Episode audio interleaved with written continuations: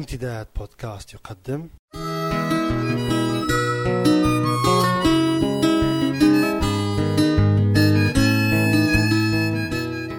رسالة من لندن. مع جمعة بوكليب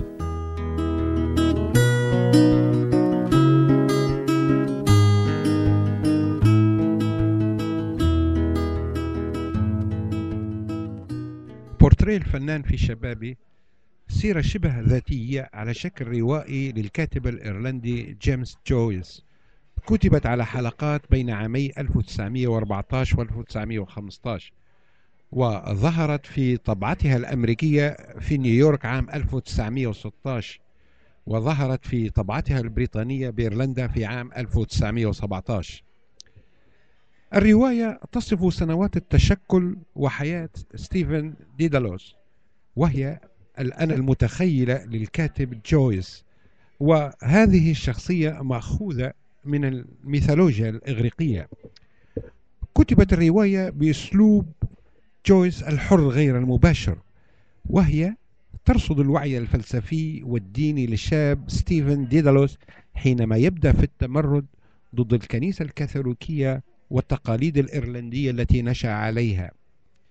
في النهاية يرحل ديدالوس للخارج لملاحقة شغفه لأن يكون فنانا. الرواية تعتبر أحد أهم الروايات التي أثرت كثيرا على شكل الرواية العالمية الحديثة. وذلك راجع للأسلوب السردي الذي استخدمه تشويس في كتابتها. وشخصيا قرأت الرواية في بداية التسعينيات من القرن الماضي وأثرتني كثيرا. لذلك ارتأيت أن أحتدي بجويس وأن أبدأ في إعداد حلقات تتعرض لمحاولة رصد تأثيرات الربيع العربي في وجداني وعقلي ككاتب وفنان. وقد أسميتها بورتريه الفنان في زمن الربيع العربي. واخترت أن أبدأ الحلقة الأولى بتمهيد ثم بعد ذلك يبدأ التسلسل في الكتابة على شكل أجزاء على أن يتم إذاعة هذه الأجزاء في حلقات هذا البرنامج حيث قد تقتصر بعض الحلقات على قراءة جزء واحد في حين أن غيرها من الحلقات قد يتسع لأكثر من جزء. والآن لنبدأ بالتمهيد ويعقبه الجزء الأول.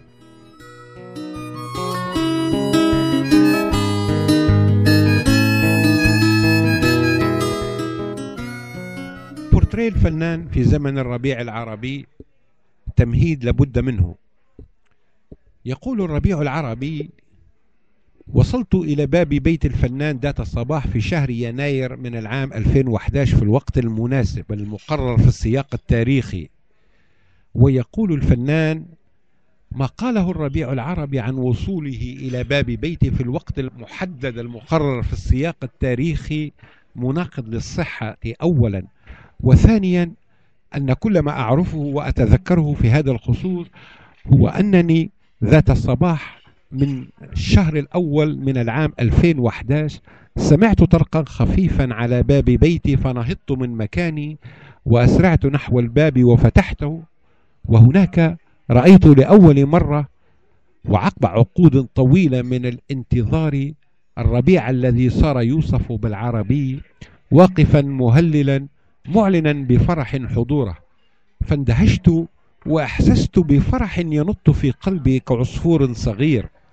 وسمعته يقول لي بصوت طري ويفيض فخرا بأنه قد حل أخيرا حسب ما كان محددا في السياق التاريخي وإنه سعيد بلقائي. وثالثا ما زلت أتذكر كيف أن الكلام تيبس في حلقي من شدة المفاجأة لأني لم أستطع فتح فمي لدعوة الربيع للدخول والقيام بواجب الترحيب والضيافة. ورابعا إنني رأيت بأم عيني هاتين. الربيع يغادرني ويتركني واقفا مندهشا أمام باب بيتي. وحين تأكدت من مغادرته وتبين لي إن ما رأيته لم يكن من أضغاث أحلامي دخلت البيت وأغلقت الباب ورائي وعدت إلى نفس المكان الذي كنت أجلس فيه خامسا. وأخيرا حين جلست في سابق مكاني في حالة من الانشداه الممزوج بفرح لا يخفى بدأت التفكير فيما سمعته من الربيع. أدركت أن ما قاله عن وصوله في الوقت المحدد في السياق التاريخي يعد من وجهة نظري مخالفا للواقع وسياق التاريخ. من من الروايتين يا ترى نصدق؟ يضيف الربيع موضحا بلهجة حاول أن تكون هادئة وموضوعية. كل شيء يطيب في وقته وكل شيء في وقته حلو. هذه حقيقة بسيطة وواضحة مثل شروق الشمس ومع ذلك يعن لكثير من الناس تناسيها وخاصة الفنانون منهم. أنا الربيع العربي أعلن أنني لم أتأخر في الوصول. ولم أبطئ الخطوة عن قصد وتعمد كما يدعي الفنان. وكل ما فعلته هو أنني طوال العقود الزمنية الماضية كنت أتخلق في أحشاء الأرض وأنساغ الكون تشكلوا في عروق التاريخ وأتسرب في مسارب الجغرافيا وأتوغل في خلايا الروح لكي تتقوى عظامي ويتلون قلبي بألوان الخضرة والزهر. ولكي أبدو كما يتوجب علي أن أكون شامخا كالشجر وبذلك حين أظهر يراني الخلق جميعا وحين أصل يتعرف علي أحبابي. الفنان أيضا أضاف قائلا موضحا ولكن بنبرة معاتبة غاب عني عقودا زمنية طويلة متقصدا وتركني أخوض في أوحال الواقع أجوب المنافي وأعاني من وحشة مرة لا تذوب.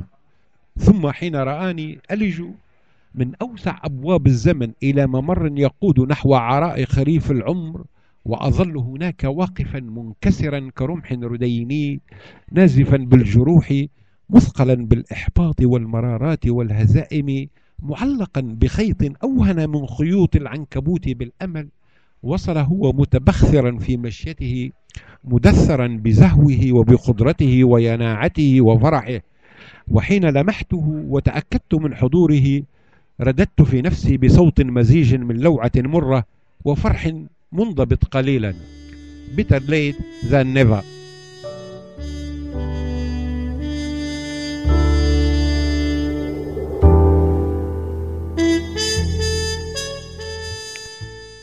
الجزء الأول.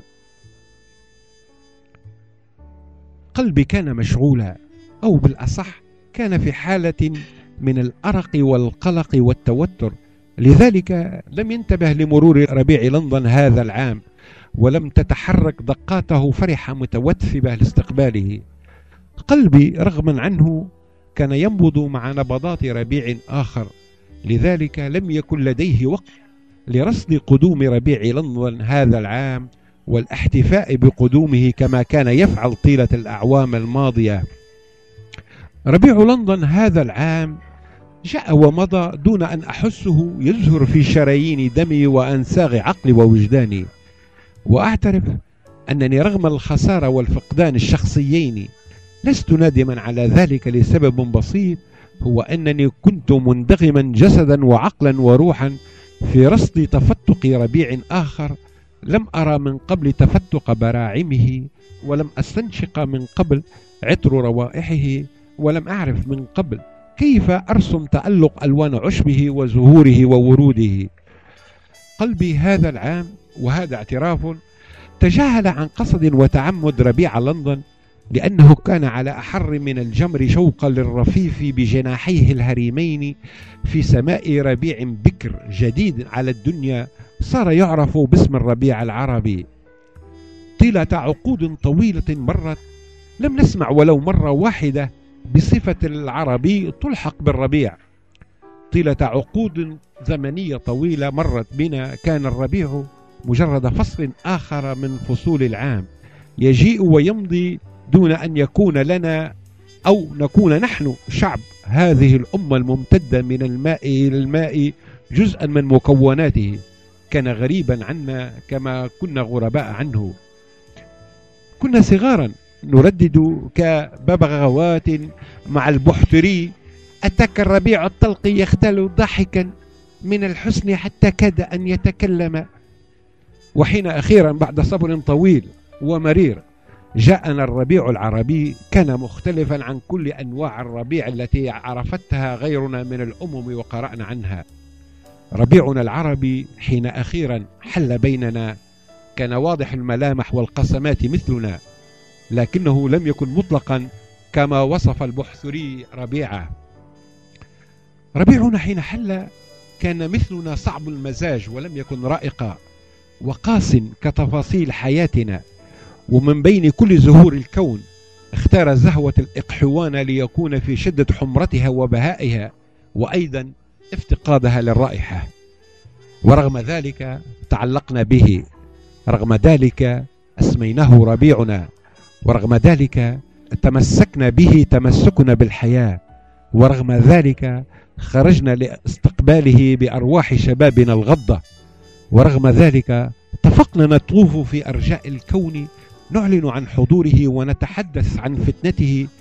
وكان غيرنا ينظر إلى أنهار الدم المسفوح دمنا ويتعجب من قدرتنا على الفرح بربيعنا رغم شدة النزف والمعاناة والألم لأنه كان للمرة الأولى ربيعنا نحن المنسيين في سراديب سجون كانت تدعى مجازا أوطانا لذلك ورغما عن كل شيء من حقنا أن نفتح أبواب قلوبنا للربيعنا منشدين.